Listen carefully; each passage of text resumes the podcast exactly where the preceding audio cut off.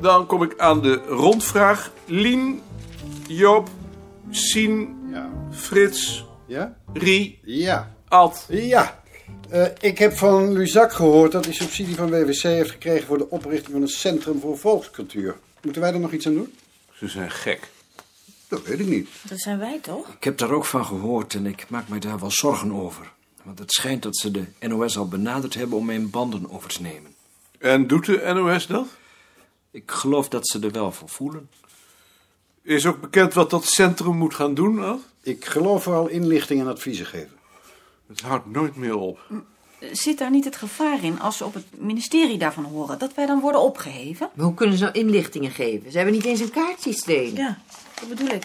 Dat vragen ze aan ons. Ik ben daar niet bang voor. Wat mij ergert is dat ze domweg doorgaan met subsidiëren van die flauwekul. Niemand op zo'n ministerie die zegt bijna helemaal belazerd volkscultuur. Wat is dat? Dat bestaat niet eens. Dat zijn in oude vormen verpakte illusies. Ik zou er razend over kunnen worden als ik er niet tegelijk zo moedeloos van werd.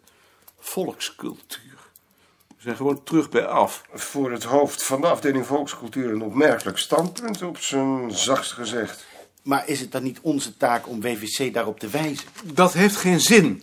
Als iemand denkt dat het zin heeft om een paasvuur of een volksdansgroep te subsidiëren, omdat zo de traditie in stand wordt gehouden, dan praat je dat niet uit zijn hoofd. Zo'n man deugt gewoon niet. Maar, maar we, we zouden toch van al die onderwerpen dossiers kunnen aanleggen... waaruit blijkt dat die tradities voortdurend veranderen? Dat heb ik vorig jaar voorgesteld, maar de enigen die daar tot nu toe op gereageerd hebben zijn Sien en Lien en jij. Dat, dat gaat niet zo hard. Kan Jaring er niet voor zorgen dat we bij de radio zendtijd krijgen? Dan zijn we ze voor. Ik denk niet dat ik daarmee veel succes zou hebben. Misschien dat we toch in ieder geval wat meer naar buiten kunnen treden. Ga je gang. Maar wou je dan helemaal niets doen? Ik ben geneigd om ze te negeren. Nee, ik vind niet dat we ze moeten negeren. We krijgen toch met ze te maken of we nou willen of niet. Het is alsof ik Beerta hoor. Een vinger in de pap houden. Ik voel daar niets voor. Deze mensen hebben een principieel andere opstelling tegenover tradities. Een heel gevaarlijke bovendien. We zullen dat bestrijden, maar ik wil er niets mee te maken hebben. Nee, daar ben ik toch niet met je eens. Ik, ik kan me ook voorstellen dat we de banden met de mensen in de regio die zich serieus met onze onderwerpen bezighouden, wat nauwer aanhalen. Dan nemen we ze de wind uit de zeilen. Ja, daar voel ik ook wel voor. Ja, kom. Zijn er meer die er zo over denken? Joop, Sien, Frits, Ad, Jut, Gert, Eef en Jaring. Grote meerderheid. Ehm, dan stel ik voor dat we allemaal nog eens over nadenken en de volgende keer met voorstellen komen. Misschien weten we dan ook meer over de plannen van dat centrum. Eh Tjitske. We zijn bezig met een rondvraag. Oh? Ik bedoel, heb je nog iets voor de rondvraag? Ja, ehm, ik, heb, ik heb wat problemen met Mark. Hij eh, vraagt me elk ogenblik om een boek voor hem te kopiëren. Ik wil er wat doen. Maar is dat eigenlijk wel mijn werk? Wat zijn dat voor boeken?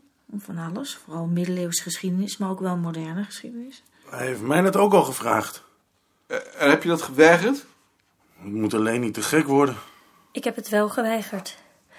Ik, ik heb gezegd dat ik er geen tijd voor heb. Dat lijkt me juist. Waarom doe je dat niet zelf? Hij zegt dat hij daar niet technisch genoeg voor is. Dat is toch onzin? Ja, vind ik ook wel eigenlijk. Kunnen jullie hem dat dan niet leren? Ja, dat heb ik wel aangeboden, maar toen is hij naar Tjitske gegaan. Misschien kun jij dat ook doen. Ja, Ik vind het in ieder geval idioot. Als hij het weer vraagt, dan zeg je mij dat ik het verboden heb en dat hij zich tot mij wendt. Dit kan natuurlijk niet. Gert. Of, of had je nog iets? nee, nee. Gert. Ja, nog iets over die voortgangsrapportage. Zou het niet wat zijn om bij elk onderzoek een begeleidingsteam van drie man te vormen dat het onderzoek begeleidt? En hoe vaak moet dat dan bijeenkomen? Zo vaak als nodig is.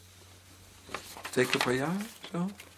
Dat zou betekenen dat ik in plaats van één keer twintig keer per jaar moet vergaderen. Want ik zal daar toch in ieder geval in moeten zitten. Ja, dat zou dan wel moeten. Daar voel ik niets voor. Ehm, zijn er die dit voorstel willen ondersteunen? Ik vind het niet zo gek. Eve. Nog iemand? Als ik ze zelf mag uitkiezen. En Rie. Eh, Nog iemand? Dan is het voorstel verworpen. Overigens staat iedereen vrij om zelf zo'n team te vormen. Die heeft alleen geen status. Eve? Nee, Ik heb niks. Joost? Ik zou in het vervolg wel graag van tevoren gewaarschuwd willen worden als we gaan vergaderen. Maar we vergaderen toch elke eerste maandag om tien uur? Jawel, En toch wil je gewaarschuwd worden? als dat mogelijk is. Je wil gewekt worden. Inderdaad.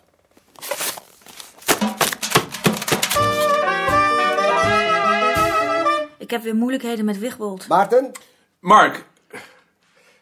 Waarover? Hij wil geen ideële koffie meer aanschaffen, omdat hij alleen nog maar in pakken van een half pond te krijgen is.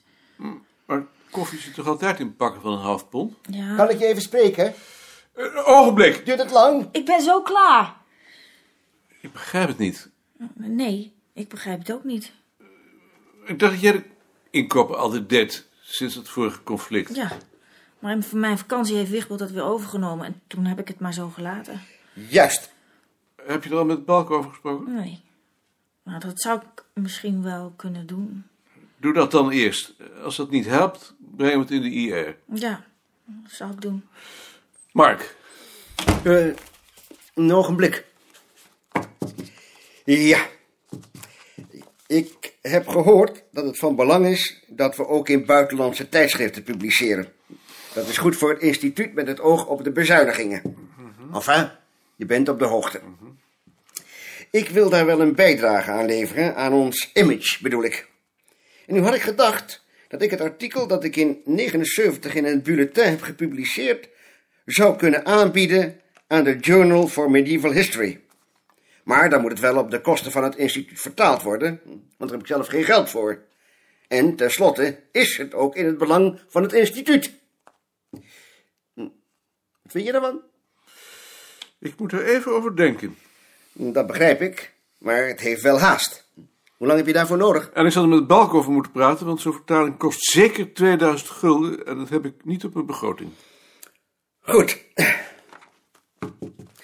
Oh. En dan nog iets. Kun jij een van je ondergeschikte opdracht geven om 80 bladzijden voor mij te kopiëren? Nee. Goed.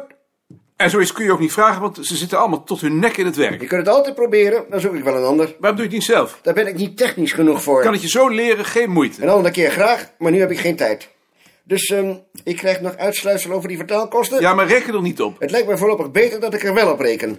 Dank je voor je hulp.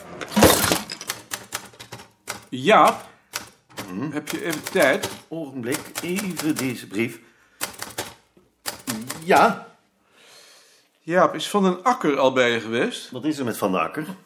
Er zijn weer problemen met Wigbold over de ideële koffie. Dat gelazer altijd. Ik zal er wat van zeggen. Wacht daar nog even mee, want ze willen er zelf met je over praten.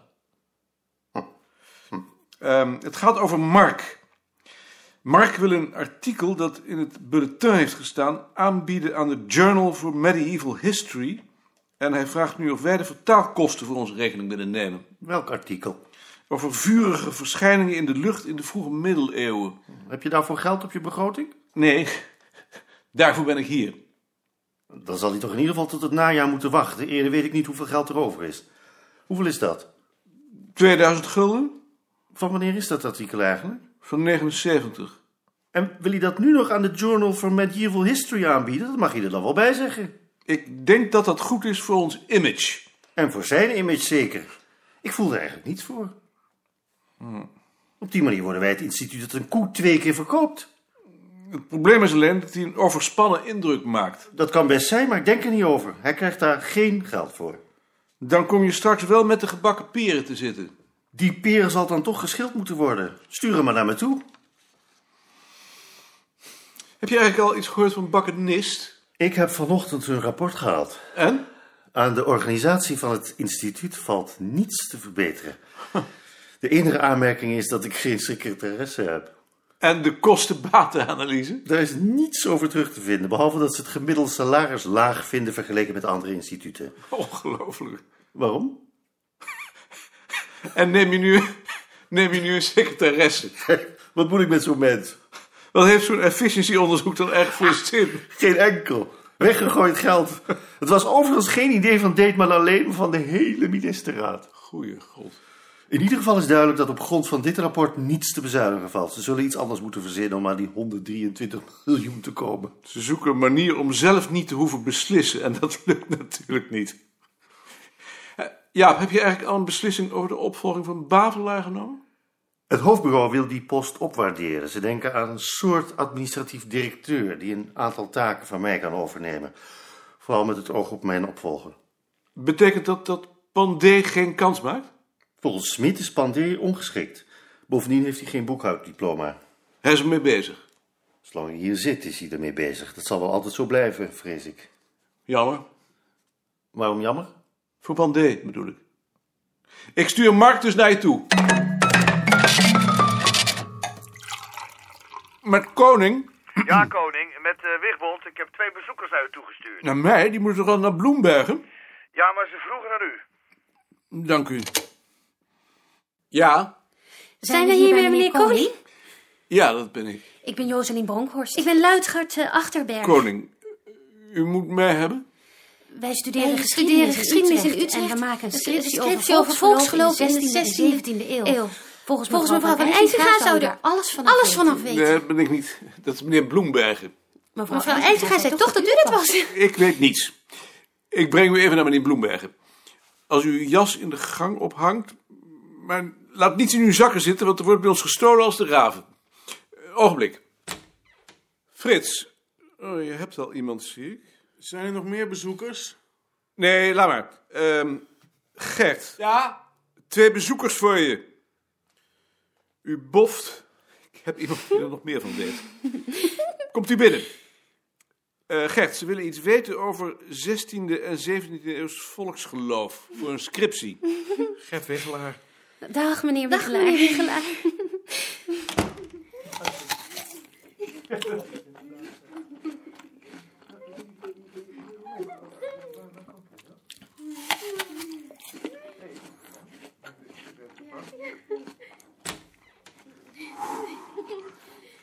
Ik begrijp dat het verzoek op je lijf is geschreven. Bellissima. Welke van de twee? Die met het kastanjebruine haar natuurlijk. Ja, maar heb jij er bezwaar tegen wanneer ik ze hier voor de boekenkast heb? Ga je gang. Eh, Omdat jij zit te eten. Dat hindert niet. Hier, in, in deze kamer staat het deel van de bibliotheek dat u maar eens moet doorkijken. Dit boek bijvoorbeeld. Of, eh, eh, mm, dit is een heel mooi boek. Wat, wat u eigenlijk zou moeten kunnen lezen. Ehm, Goedemiddag. Lien? Er komt iemand voor u. Als we hier een stukje verder lopen, ziet u aan de linkerkant eh, eh, nog veel meer boeken. Eh, en dat gaat eigenlijk eh, een hele tijd eh, zo door. De, de- dit is ook een, een heel mooi boek. Houdt u van boeken? Oh, no. Maarten, tot morgen.